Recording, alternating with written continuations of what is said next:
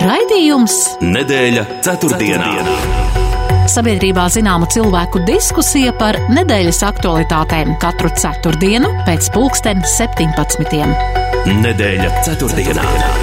Projektu finansē Mēdīju atbalsta fonds no Latvijas valsts budžeta līdzekļiem. Sveicināti, kurzemes radio klausītāji! Ir atkal ceturtdiena, un kā jau ierasts, tiekamies raidījumā ar viesiem, lai pārunātu notikumus un procesus, kas aktuāli pēdējo septiņu dienu laikā. Ja runājam par starptautiskiem notikumiem, protams, karš Ukrainā turpinās Ukraiņiem veiksmīgi pielietojot amerikāņu sagādātās Haimers sistēmas, arī veiksmīgi iesācies labības eksports no Ukrainas ostām. Asu Ķīnas reakciju izpelnījies notikums šīs nedēļas sākumā, kad Taivānā ieradās ASV kongresa pārstāvju palātas spīkere Nencija Pelosi, paziņojot, ka vizīte demonstrē Vašingtonas stingro apņemšanos atbalstīt Taivānu. Tikmēr Latvijā sabiedrība un politiķi aktīvi gatavojas 14. saimas vēlēšanām. Centrālajā vēlēšanu komisijā iesniegti 19 politisko spēku kandidātu saraksti un programmas, un izskatās, ka vēlētājiem nebūs viegli izšķirties, par kuru partiju savu balsi atdot. Latvijā māju vietu raduši vairāki Krievijas mēdīji. Šī jautājuma nopietnība uzmanību aktualizējis valsts drošības dienests brīdinot valsts augstākās amatpersonas par kādiem riskiem. Bet svarīgākā tēma, kas šajās dienās ir aktualizēta, protams, ir enerģētiskā drošība. Par to arī parunāsim. Un vēl šajā nedēļā, 31. jūlijā, tas būtu nevis šajā, bet iepriekšējās nedēļas nogalē, kļuva zināms, ka latvietis ultra riteņbraucējs Ārvis Sprūde ir uzstādījis jaunu Ginesa pasaules rekordu nedēļas laikā ar velosipēdu nominot 3559 km. Līdz ar to labots iepriekšējais pasaules rekords par vairāk nekā 50 km. Un par kādām no minētajām tēmām runāsim arī plašāk. Raidījumā šodien viesojas ekonomikas ministres padomnieks enerģētikas jautājumos Andris Zariņš. Labdien! Labdien! Un Latvijas Universitātes sociālo zinātņu vadošais pētnieks Juris Rozenvalds. Labdien! Labdien! Un man jums tāds ievada jautājums. Protams, augusts vēl ir vasaras mēnesis, un, protams, baudām svētkus, festivālus, um, dažādus uh, kultūras um, šo iestāžu sagatavotus uh, pasākumus. Kāds ir jūsu vasaras notikums? Varbūt tas jau ir pagājis, vēl varbūt jūs gaidat pašā uh, vasaras nogalē. Jā, bet kas ir jūsu tāds uh, vasaras notikums? Sākšu ar jums, Juri. Nu, mans notikums ir tas, ka es būvējos. Esmu tādu dārza mājiņu uzbūvējis un ilgi cīnījos ar Limbaģa novada būvvaldi. Bet laimīgā kārtā jautājums atrisinājās pēc, pēc tas jāsaskaita, cik tāds pēc gandrīz pusgada cīņas. Un, un viss ir, kas saka, dabūju visu apstiprinājumu. Līdz ar to esmu ļoti priecīgs. Jā, Andi, jūsu vasaras notikums. Mana ikdiena šīs ģeopolitiskajos apstākļos ikdiena tik dinamiska, ka man īsti nesanāk pat laika nu, plānot. Un, un, un es labāk izvēlos laiku pavadīt ar ģimeni, tad arī neplānojot pēc sajūtām. Kad ir laiks, dodos, jo visapkārt notiek, jūs teicāt, dažādi kultūras pasākumi, arī sporta pasākumi. Pats esmu aktīvs sportists. Un, jā, izvēlos gan dažādas pagastu svētkus, tās pašas pilsētas svētkus, kā arī dažādas sporta veidus. Jā, tā kā vasara rit un notikumi rit un mūsu arī dažādas izvēles arī mums ir. Katru dienu mums tiek, mēs izvēlamies, jā, ko baudīt. Jā, bet runājot jau par notikumiem un nevar nesākt ar šo um, pašu notikumu, par ko mēs runājam gandrīz katrā raidījumā. Un tā tad beidzot ir zināma šī uh, politisko partiju skatuve. Visi, var sakot, esam uh, ieraudzījuši, kas ir šie politiskie spēki, kas piedalīsies 14. saimas vēlēšanās. Un ir arī kāds SKDS pētījums kopā ar Latvijas televīziju um, sagatavots. Un tā tad ir šīs 19 politiskās partijas, uh, kas ir iesnieguši savus kandidātu sarakstus. Bet tāds top trīnieks šobrīd tas būtu uz nedēļu nedēļas sākumu ir, um, ir izveidojies, un um, tā ir jaunā vienotība, nacionāla apvienība un saskaņa. Un, protams, arī ir um, pētīt arī kritumi, un lielākais kritums vērojams konservatīvajiem. Un, um, jā, desmit partijas varētu būt, kas pārvar 5% šo robežu. Kā jūs vērtējat politisko spēku šo um, daudzumu, arī sastāvu, arī varbūt piedāvātās programmas, un uh, patiesībā jau vēlētājiem būs diezgan grūti 19 partiju klāstā izvēlēties savu, pie tam, kā mēs jau runājam iepriekš, ka uh, daudzas tādas nezināmas partijas, neteiksim daudz, bet vairākas, ir izvēlējušās nosaukumus tādus diezgan līdzīgus, kādi jau mums ir uh, kā jau esošajām partijām uh, vai bijušajām partijām. Jā, Juri, jūsu komentārs, kā jūs redzat šo visu skatuvi? Nu, vispirms par to skaitu, ja mēs runājam par 19 sarakstiem, nu, zināmā mērā mēs atgriežamies atpakaļ 90. gados un 2000. gadu sākumā, kad mums arī bija ļoti daudz sarakstu, bet tad, kad mūsu, nu, var teikt, politiskā sistēma, partijas sistēma galīgi nebija vēl uh, nostiprinājusies. Nu, tagad, zinām, mērā mēs atgriežamies atpakaļ. Tas skaits ir liels, jo iepriekšējās vēlēšanās bija 16, tad pēc tam divas, uh, divas vēlēšanas pēc kārtas bija 13. Nu, ar ko tas ir saistīts? Manuprāt, uh, divi skaidrojumi kārtām, nu, tāda ļoti prozaiska lieta, ka nauda. Uh, jo ir valsts finansējums ļoti dāsns, kā zināms. Un tāpēc es domāju, ka ir vērts pacīnīties, nu, ja ne par iekļūšanu saimā, tad vismaz par diviem procentiem. Un, ja divi procenti, tad ir valsts finansējums, un, protams, tas ļauj daudz ko pēc tam arī darīt. Tas ir pirmais. Un otrais, es domāju, ka tās visas krīzes, eh, kas, eh, kas mums piemeklē pēdējos gados, Es domāju, Covid un ar visu to saistīts ierobežojumi un problēmas un, un tā tālāk. Un otrkārt arī pašreiz tie notikumi Ukrainā, kas arī rada tādu krīzes situāciju, un, manuprāt, ļoti daudz Latvijas cilvēku izjūt ka, to kā apdraudējumu mums pašiem. Un, un es domāju, ka tie nav tukši vārdi, ka Ukraiņa cīnās par mums, un tāpēc ir tik liels skaits. Bet, Bet, ja mēs runājam par to, nu, faktiski viss šis 19 eh, saraksts var sadalīt trijās daļās. Ir kādas sešas apmēram partijas vai saraksti, pareizāk sakot, kas noteikti tiek iekšā. Tur nu, šaubu diezgan maz. Pēc tam ir apmēram 6, 7, eh, kas drūzmējās ar 5% barjeru, un tad pēc tam pašās beigās ir nu, kuriozi. Runāsim tā, ka nu, cilvēki, kas rīkojās pēc principa, nepanākšu, vismaz sasildīšos, jā, kā vecajā anekdotē.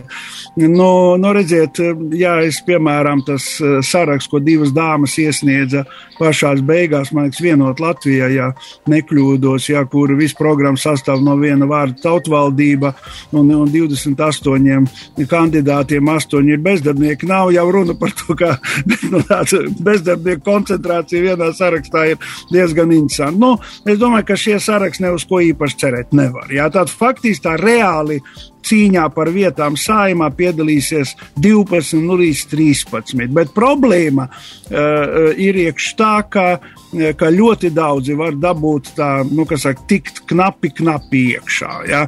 Un līdz ar to, ja viņiem ir teiksim, vēlēšanās 5,5%, nu, tas nozīmē 6, 7 mandātus saimā, un saima būs ļoti sadrumstalota. Ja mēs par pašreizējo valdību eh, runājām, nu, bieži es vismaz tā kādreiz teicu, ka tas ir tas draugu, draugu terārijas, jā, kur ir no visa padruska, jā, un ļoti atšķirīgi politiskie spēki turās kopā, nu, tāpēc, ka viņi ar kādu negrib sadarboties citu. Jā.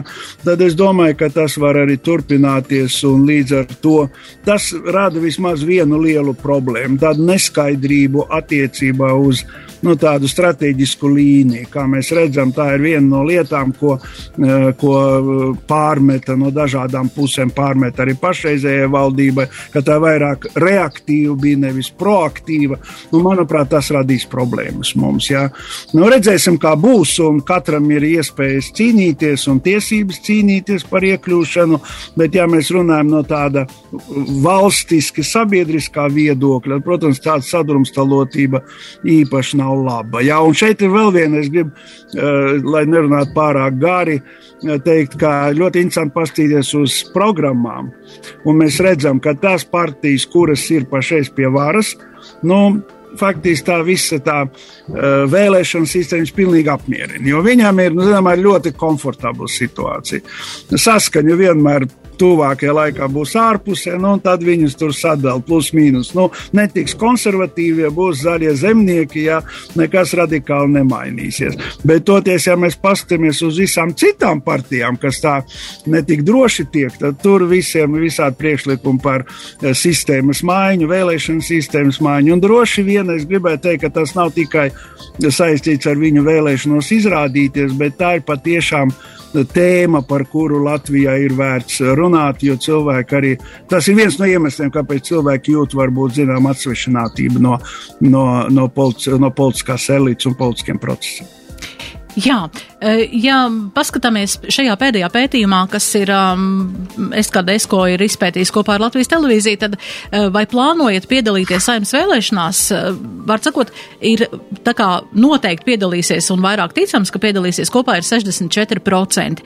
Uh, vai tas ir pietiekami? Vai tas, nu, mēs zinām, ka arī šis skaits nav, protams, akmenī kalts, daudz izvēlēsies neiet, bet 26, 26%, jā, tie ir, kas no noteikti ticamāk, ka nepiedalīsies, un 11% tikai tie, kas vēl grūti izlemties viņiem. Um, kāpēc ir tik maz šo cilvēku? Nu, vai tiešām, varbūt tiešām ir jāmaina šī vēlēšana sistēma, kāda ir pie mums Latvijā?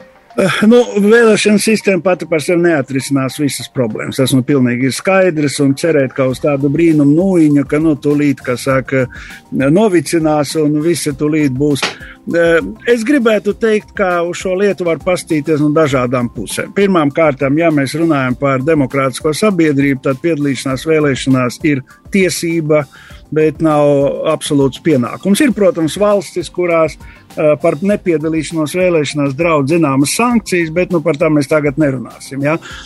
Un līdz ar to, nu, protams, var uzdot jautājumu, ja iepriekšējās vēlēšanās mums bija nu, mazliet mazāk par 55%, ja, vai tādā gadījumā tie, kas ir pie varas, var to uzskatīt par leģitīmu. Nu, ja cilvēks neaiziet uz vēlēšanām, tas arī viņš, viņš kas saka, zināmā mērā pasaka, ok, jā, nu, jā, ja es piedalos un, un kas saka, protestēju un cīnos, tad tā ir cita lieta. Ja. Nu, lūk, tā tad līdz ar to, nu, redziet, nu, ja grib, grib vilkt paralēlus, var teikt, Amerikā līdz nesenam laikam tradicionāli prezidentu, kur vēl, kā zināms, Amerikā gandrīz vai vēl tauta. Viņi nevēl tieši, bet nu, gandrīz tieši. Ja? E, e, tad nu, pirms Trumpa, Clintonas un Baidena e, faktiski Amerikas prezidenti ievēlēja vienu ceturtā daļu vēlētāju. Jo pusi piedalījās vēlēšanās, un tad parasti balss sadalījās tā gandrīz vai uz pusēm starp demokrātiem un republikāņiem. Jā, nu nekas, ka, zināt, Amerika kas saka, turās vēl pagaidām. Jā, tad līdz ar to tā nebūtu tā, nu, kas saka, izšķiroša absolūti problēma. Jā, kaut arī, protams, mēs esam ieinteresēti, un mūsu problēma nav tikai zemes līmenis, eh, piedalī, līdzdalības līmenis vēlēšanās, bet mūsu problēma ir arī mm, ļoti zems uztice, uzticības līmenis, jā, un, eh, vai uzticēšanās, pareizāk sakot, eh, līmenis, un mūsu problēma ir ļoti zemi rādīt rādītāji attiecībā uz piedalīšanos dažādās nevalstiskās organizācijās. Jo daudzās rietumu demokrātijās tieši tas kompensē to, ka cilvēki varbūt uz vēlēšanām īpaši neaiziet. Jo neaiziet uz vēlēšanām var divu iemeslu dēļ. Var, tāpēc, ka cilvēks saka, es esmu visā vīlies, Un otrkārt, viņi saka, ka man iet, es zinu, ka nekas radikāli nemainīsies. Tāpat es būšu paēdis, ja manas pamatvaidzības nodrošinās neatkarīgi no tā, kurš būs pie, pie varas. Ja. Līdz ar to, eh, bet, protams, eh, es negribēju teikt, ka tas ir ok. Šeit ir arī cita lieta, ko noteikti jāņem vērā arī Latvijas vēlētājiem un arī uh, jūsu radio klausītājiem. Jo mazāks ir līdzdalības procents, vēlēšanās, jo lielākas iespējas ir dažādu veidu radikālām, eh, nu, radikāli noskaņotām grupām. Ja?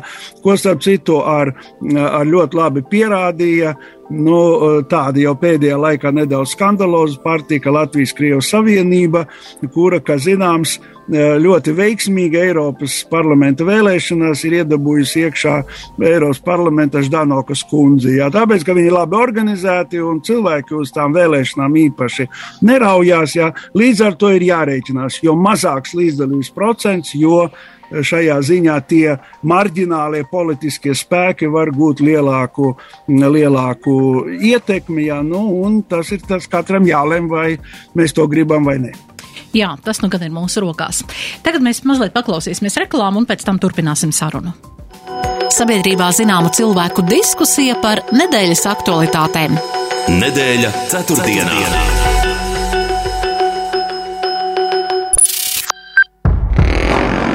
Jauda, spēks un enerģija. 6. augustā Grobiņā motofestivāls Seburg Baikarland. Jauda iegriezīs čempionāts zelta mopēds, mototriāls un triki ar tēvocu žori. Gaidām iespaidīgu motociklu mopēdu parādi. Festivālā spēku demonstrēs Gvido Šalms un Iela Vingrotāji, taču enerģiju koncertā dos Despicable un Ivo Fomins ar grupu. Nakts bāle kopā ar Simpleman. Tiekamies Grobiņā 6. augustā. Modernākais un jaudīgākais bruģa un labiekārtošanas elementu ražotājs Brikers Latvija ar vairāk kā 15 gadu pieredzi piedāvā plašāko sortimentu Baltijā. Ikvienam ir iespējas izvēlēties savu bruģi no vairāk kā 200 dažādiem bruģu veidiem. Brīkers ir ekskluzīvs ražotājs, kura bruģis ir unikāls un atšķirīgs no pārējo ražotāju piedāvātā. Turklāt, vai zināja, ka Brīkers atrodas tepat kurzemē? Plašāk par ražotāju un piedāvājumiem www.brikers.lv. Puratus Latvija gārdo pūras ievārījumu ražošanai iepērk Latvijas ogas un augļus. Kādas ogas mēs šogad meklējam? Visdažādākās, piemēram, meža mellenes, brūklenes, dzērvenes, upenes, avenes, kazenes, smiltsērkšķus, lācenes. Puratus Latvija izskatīs iespēju arī par citu ogu un augļu iegādi. Piegādātājam jābūt reģistrētam PVD kā primārās ražošanas dalībniekam.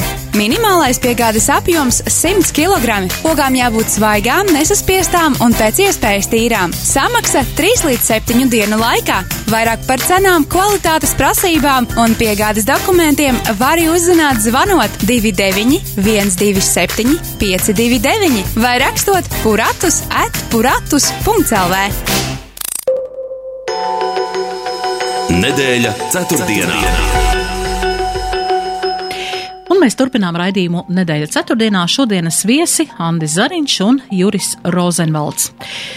Jā, runājam par politisko skatuvi un um, brīnišķīgs ieskats visā šajā partiju kopējā kopējā skatā un arī, ka šī atbildība mums pašiem atdot tomēr savu balsu un doties uz vēlēšanām un izvēlēties savu politisko spēku, uh, lai varētu šo valdību izveidot pēc iespējas vienveidīgāku.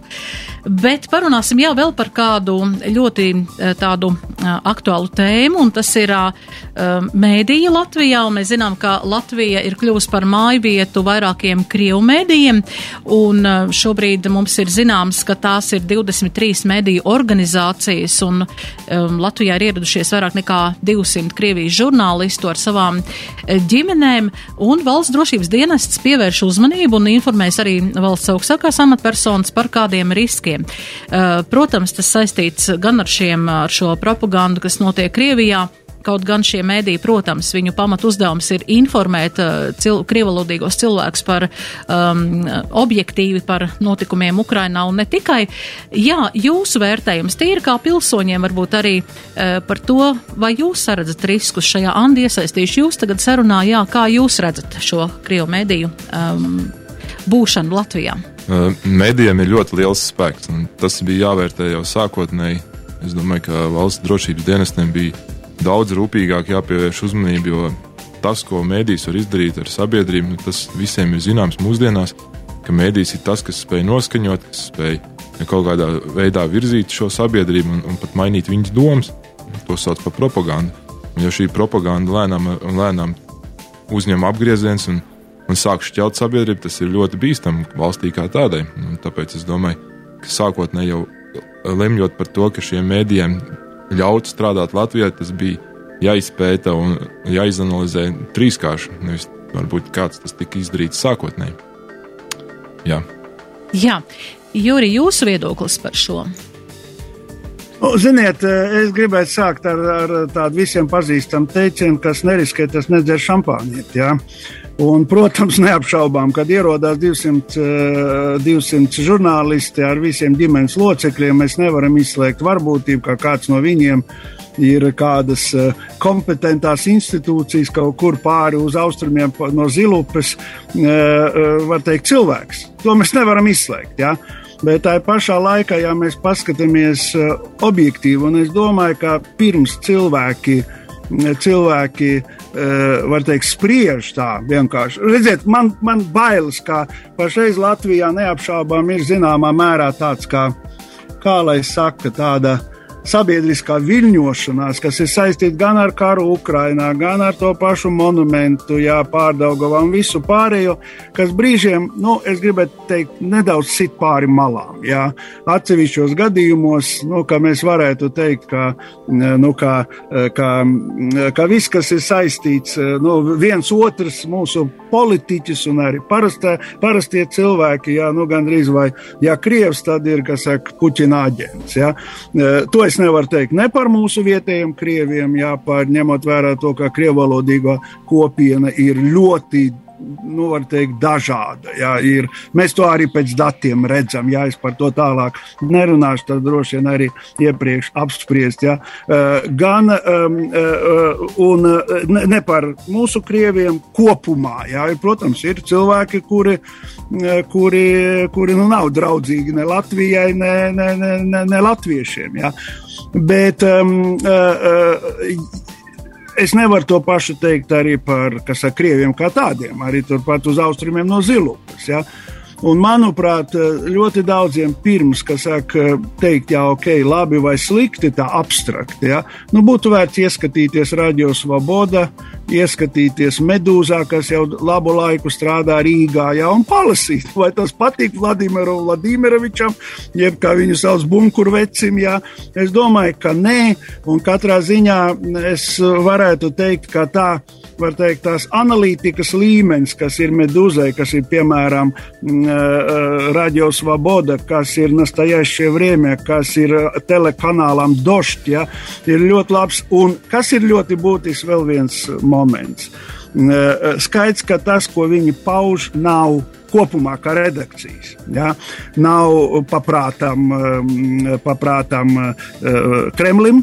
Skaidrs, citādi viņš šeit nebūtu, vai nu kaut kur citur būtu Arčuns Trojts, kas, piemēram, jau ilgāku laiku dzīvo Tallinā, ja, un Viļņa ir, kā zināms, vieta, kur pulcējās arī tādi Krievijas opozicionāri.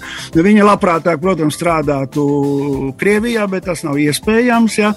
Un šeit ir vēl viens aspekts. Viena no vājām vietām mūsu uh, mūsu valsts no politikā ir līdz šim tā nespēja jau gadu desmitiem, jau sākot no 90. gadu sākuma, sarunāties ar mūsu krievalodīgajiem. Ja, tā ir problēma, to mēs saprotam, līdz ar to, tad, kad saka, tagad bieži vien saka, ziniet, integrācijas politika ir izgāzusies.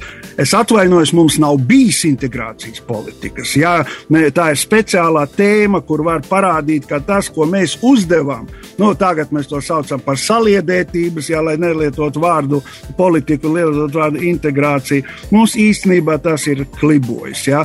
Nu, var runāt par vairākām kļūdām, piemēram, nu, kaut vai to pašu tele, Latvijas televīzijas krievu redakcija. Es no kā tur saucās, es īsti precīzi nezinu, tas, kas darbojas LTV 7, kad viņus pagājušā gada rudenī iedzina internetā. Ja? Kaut arī, protams, tā publika, uz kuru viņiem vajadzētu visvairāk iedarboties, tepat nav tik daudz jauniešu, kas, protams, lieto internetu, bet vecāka gada gājuma cilvēki, kas tā internetā nav. Ja? Un līdz ar to, un pēc tam, tagad, kas sākās kā šukrā, nu jā, tad mums jāraida uz viņiem, mums jāraida to. Tad, lūk, es gribētu teikt, ka es saprotu, uh, saprotu drošības dienesta bažas, ka varētu būt kāds nu, nepareizs cilvēks tur. Ja? Bet es gribētu no, no drošības dienesta dzirdēt arī norādījumu mūsu politiķiem par to, ka šī absolūti tuvredzīga nesarunāšanās ar ievērojumu sabiedrības daļu un mēģinājums vienkārši, kā saka, komandēt, ja? nu, nav īsti produktīva. Un līdz ar to, diemžēl, patīk mums vai nepatīk, bet šie kanāli arī tad, kad tie ir šeit, uh, Latvijā, kaut arī viņi nerunā par Latviju. Tur jūs par Latviju ļoti maz ko atradīsiet. Ja? Nu, tā pašā Svobodā, piemēram, došs, nu, tā kā ziņās, ja? bet zināmā mērā viņi aizpild to vakumu, kuru diemžēl, kas mums ir radies daudzu iepriekšējo gadu rezultātu. Un no šī viedokļa, ja paskatās, ka varbūt patiešām tur kāds būs iemaisījies pa vidu, un tam vajag jebkurā gadījumā acīm, ausīm jābūt vaļā, un tam vajag sekot. Jā, tad priekš tam mums ir tie kompetentie, kompetentās struktūras, jā, bet objektīvi neapšaubām viņi dara ļoti labu un svarīgu darbu, un paldies viņiem par to, jo mm, nu, katrā ziņā nu, es pats, jūs man prasījāt par notikumiem, notikumiem. Nu, 11. augustā es došos uz Rīgu. Es nedzīvoju tagad Rīgā, bet došos uz Rīgu uz Čulpana Hamatovas e, solo tādu izrādi. Arī slavenā, viena no izcilākajām krievu aktrisēm ir Rīgā, tas ir arī tas ir ļoti svarīgs, manuprāt, ko mums jāapzinās. Piemērs mūsu vietējiem krievalodīgiem, arī tiem, kuri šaubās, jo, jo kā rāda mūsu uh, arī socioloģiskie dati, jā, attiecībā uz šo karu Ukrainā, ap 20, 20% atbalsta tie, kas saka, nav mūsējie īsti pēc saviem uzskatiem, ap mazliet pāri par 20% Eh, aktīvi atbalsta Ukrainu, bet tie 40% pa vidu tie ir, kas saka, tādā kognitīvā disonancē, ja, kas saka, ne, ne, ne tam, ne tam, un ar viņiem jāstrādā. Un, manuprāt, šajā ziņā šie, šie, šie uh, masu informācijas līdzekļi, kas atnākuši pie mums no Krievijas, uh, manuprāt, ir, ir, ir svarīgi. Un, domāju, Jā, mums kaut kas ar sakariem mazliet notika, bet katrā ziņā mēs varam secināt to, ka mēs uh, tiešām mūsu krievalodīgo uh, auditoriju noteikti saņem objektīvu informāciju par notikumiem, kas ir gan Krievijā, gan ap Krieviju, gan arī, protams, tie, kas saistīti ar ar, uh, ar Krievijas propagandu un salīdzināt šīs informācijas, kas ir, kas ir protams, veselīga mūsu, mūsu Latvijā dzīvojošiem krievalodīgajiem. Šobrīd aiziesim mazā reklāmas pauzītē, ielposim un pēc tam pāriesim pie mūsu centrālās tēmas, un tā ir enerģētika un enerģētikas. Es kaut kur pazudu, es atvainojos. Jā, mums, mums pazuda sakara, bet šobrīd būs reklāmas pauzīt, un tad turpināsim. Nedēļa ceturtdienā.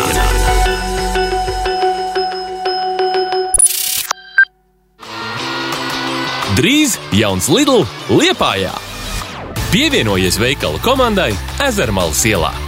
Lidl piedāvā garantētu algas pielikumu katru gadu, ikmēneša bonusu līdz pat 100 eiro vērtībā, ļoti labu veselības apdrošināšanu, kā arī izaugsmas iespējas veikala vadības komandā. Piesakies darbam, www.nāc uz Lidl LV! Piedāvājums saimnieciskās darbības veicējiem! Mēs esam aizdevums LV. Mūsu mērķis ir atbalstīt tevi tavos dzīves plānos. Mūsu jaunums - ekokredīts, radīts taviem plāniem, energoefektīvu iekārtu, atjaunojamo energoresursu un ilgspējīga transporta iegādē. Ekokredīts ir aizdevums līdz 20 000 eiro ar procentu likmi no 5,88% gadā. Sāc saimniekot ilgspējīgi kopā ar aizdevums LV ekokredītu. Aizdevums LV - droša izvēle! Radio skatuve par vērtībām, kuras nemaina pat laiks. Katru piekdienu pēc sešiem vakarā ar atkārtojumu svētdienās četros. Radījumā viesojas choreogrāfs un deju pedagogs Agris Daņļievičs. Radio skatuve. Nedēļa ceturtdienā. ceturtdienā.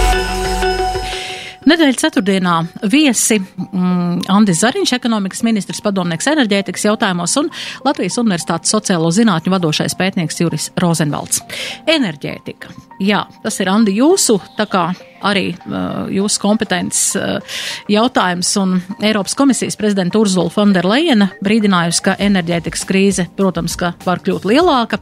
Arī mūsu fiskālās disciplīnas padomas priekšsēdētāja Inna Steinbuka šajā nedēļā izteikusies, ka ir skaidrs, ka uh, ir vajadzīgs tāds uh, liederīgs, kritisks, radikāls iestāžu funkciju un izdevumu audits, un uh, patiesībā mēs uh, daudz ko varam uh, plānot un, un mēģināt, bet nu, šī būs krīze, mēs, kas mums tiešām ir gudri jāvada un no kuras būs jāiziet. Un piedāvām arī nu, jāiztur ziema un mēģināt arī par visu samaksāt. Andi, jūsu, eh, jūs esat um, ekonomikas ministrs padomnieks. Sakiet, kas ir sagatavots, ko mēs, ko šodien klausītājs var uzzināt? kas, par ko mums nebaidīties un par ko vēl jādomā? Es varbūt nedaudz iesākšu ar, ar, ar tādu mazu savu viedokli. Tas, ka Eiropa satraucas par to, ka ir jāievieš taupības pasākumi, tur jau ir arī nu, tāda, tam, tam kažokam ir otra puse. Jo viņi vēlas atbrīvot šos resursus savā pusē, lai nebūtu tik liela konkurence. Tāpēc visai Eiropai ir uzdots samazināt, un diezgan daudz samazināt. Šī mirklī jau Latvijā šis patēriņš, ja mēs runājam par gāzi, ir samazinājies zem šīs sliekšņa, kas jau ir radies dabiski. Jo vienkārši šis resurs ir palicis dārgs, jo to, viņš vienkārši tirgū ir mazāk nekā ir pieprasījums. Līdz ar to šī cena iet ceļās, un, un šī mirklī tā cena ir augstāka nekā bija pagājušo gadu. Bet tas, tas tādā mazai atkāpēji. Tātad ekonomikas ministrija to visu ir skatījusi, vērtējusi un um, plānojusi. Un šos atbalsta pasākums, jo saprotat to, ka pats trakākais, kas var notikt, ir cilvēku un uzņēmēju nemaksa. Un tā viņš sako bankrots, un, un kas notiek tālāk? Valsts praktiski apstājās. Tad, tad ekonomikas ministrija atbildīgā ir par uzņēmēju darbības atbalstu un arī pastarpināta sadarbībā Labklājības ministrija arī par iedzīvotāju Par tiem es arī varbūt pastāstīšu laika gaitā. Tad, kas, kas, kas šī mirklī ir darīts? Nesen, pirms divām dienām, bija Tautsēniecības padome, tas ir visas lielās uzņēmēju organizācijas, tikās ar ekonomikas ministru Ilzi Indriksoni, un visi kā viens piekrita, ka mēs virzām kā ministrija, kas arī tagad ies uz valdības sēdi, šo pretinflācijas paketi. Pretinflācijas paketē būs vairāki punkti, kā pieņemsim pārtikai PVN samazinājums, kas ietekmēs arī cilvēkus, iedzīvotājus, ne tikai uzņēmējus, ēdināšanas nozarē PVN samazinājums. Tad šī elektrības sadaļā OIK, kas vēl ir palicis, kas jau bija samazināts, bet nu vēl maza daļa ir palikusi, kas vēl ir. Un kā arī šo sadalījuma tīklu tarifu. Bet par šīm vērtībām tur vēl notiks diskusija. Precīzi patreiz nevaram pateikt, bet tas ir tas, ko virza. Plus vēl tam visam šeit pretinflācijas pasākumiem būs uzņēmējiem tāda kā programma, kur viņi varēs ar atjaunojumiem energoresursiem savu pašpatēriņu, jo pirms tam spēkā ir šī iedzīvotājiem, fiziskām personām atjaunojamo energoresursu pašpatēriņu uzstādīšana, kas var samazināt un samazina elektroenerģijas patēriņu mājsaimniecībā, tad arī šāda paša programma būs uzņēmējiem, ka arī uzņēmēji varēs savu pašpatēriņu nodrošināt. Ir medijos un arī sabiedrībā izskanējis, ka, ka trūkst, ka nevar pieslēgt. Tad pārunājam arī ar sadalījuma tīklu, kas par problēmām un uh, sadalījuma tīkls skaidro arī sabiedrībai. Ir nācis ar, ar, ar paziņojumu, ka pašpatēriņam jaudas pietiek un tos dara prioritāri.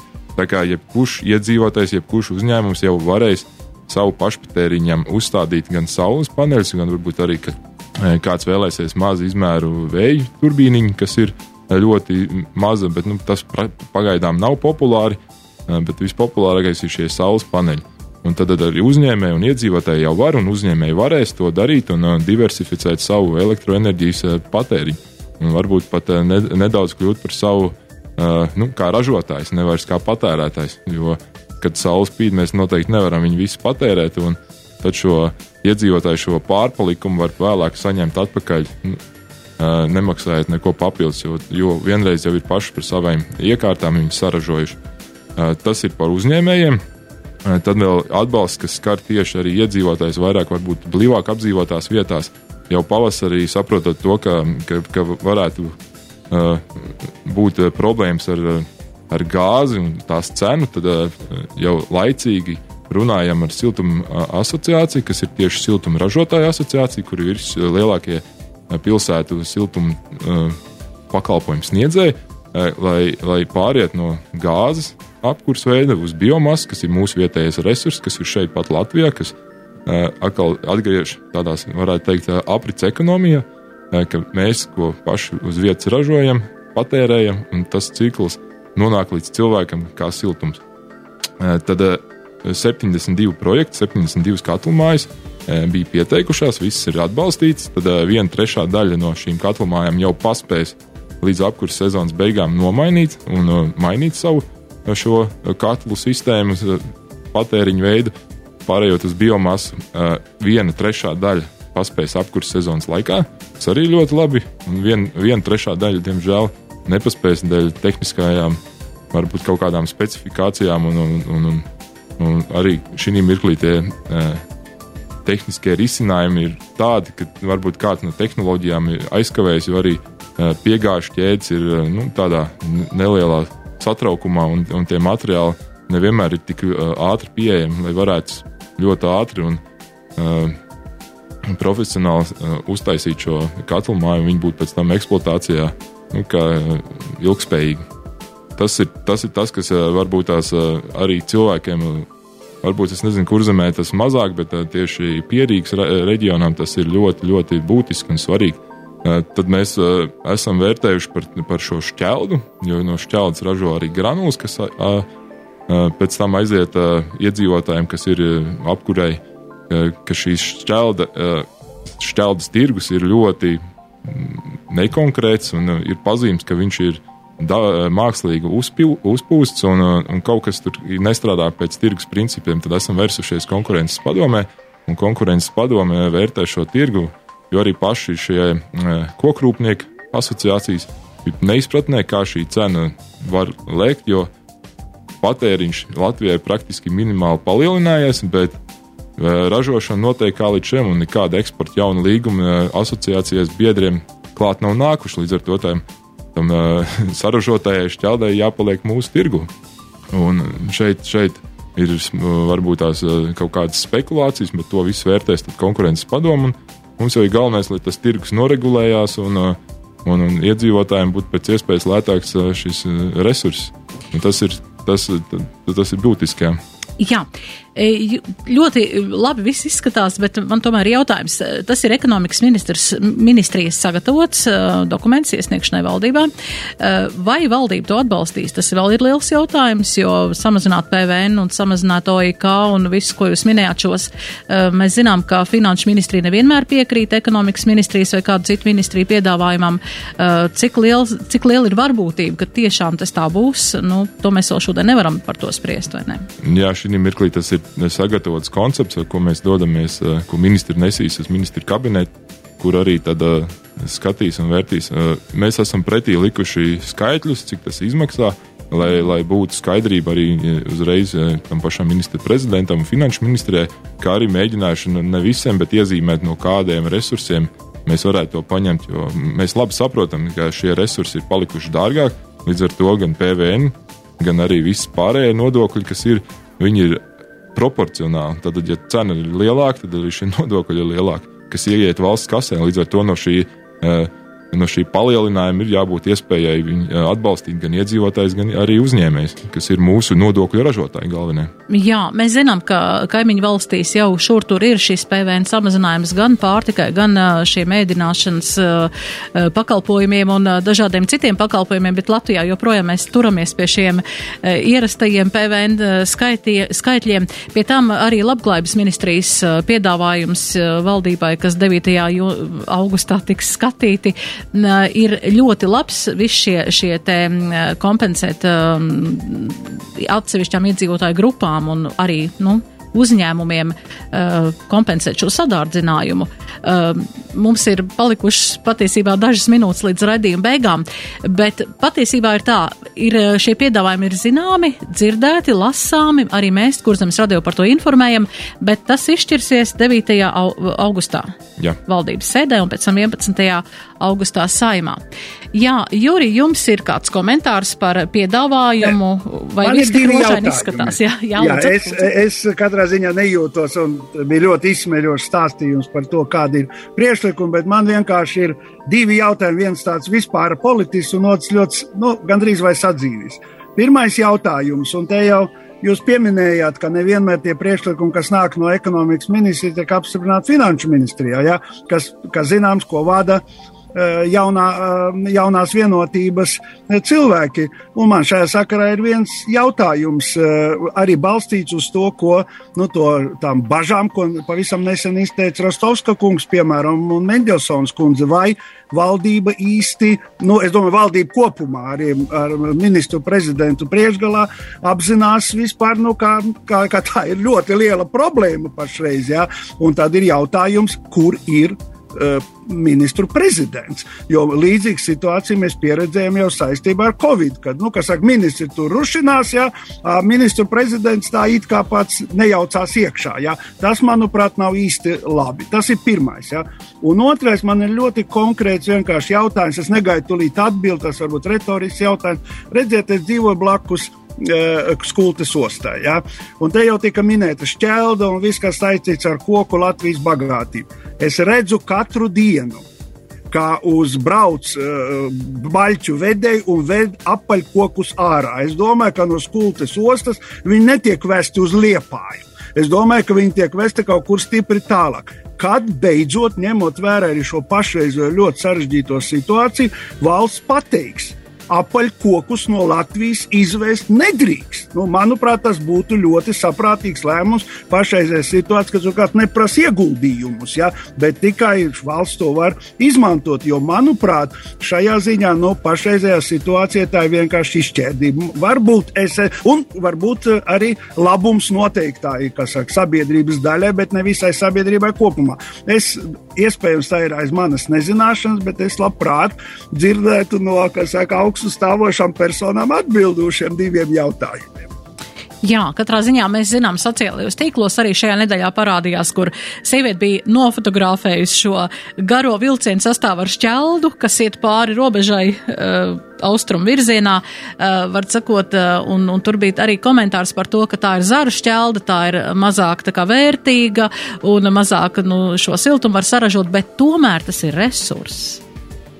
Es varbūt tās tad iekomentēšu tā, uh, par skulti, uh, par skulti šo apaļkoku. Tad, tad ir, ir, uh, ir jau virzīts un ir pieņemts, ka uz trešajām pasaules valstīm apaļkoku Latvija neizved vairāk, uh, bet mēs nevaram aizliegt Eiropas, uh, Eiropas Savienības iekšējā tirgu to darīt. Diemžēl. Un, un vecie līgumi, kas ir spēkā, uz tiem strādā. Viņi nav īsti jauni slēgti. Es nevaru apgalvot, ka pilnībā nav, bet arī ja mēs skatāmies, runājot ar asociāciju, kas ir kokrūpnieki, tad arī šie paši baržu pirkšana ir sadārdzinājusi tā, ka Eiropas Savienības valstīm nav izdevīgi ar šo apaļkoku pie sevīm transportēt, jo tas tā gala summa sanāk šim apaļkokam tik liela, ka, ka, ka nu, tas ne, neatmaksājas arī viņiem pusē. Jā, katrā ziņā mums ir divas minūtes līdz raidījuma beigām. Mums atliek tikai visu to rezumēt un atvadīties un uh, novēlēt brīnišķīgu nedēļas nogali.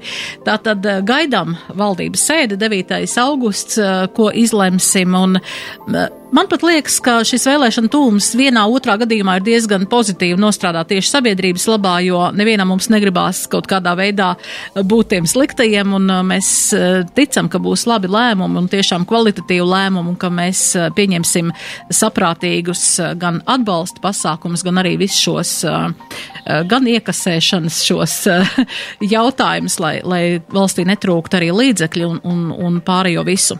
Tā kā tiešām novēlam veiksmi tajā visā un jā, lai brīnišķīga nedēļas nogale, vēl atlikusī darba nedēļa un arī lielisks brīvdienas un uz tikšanos turpmāk.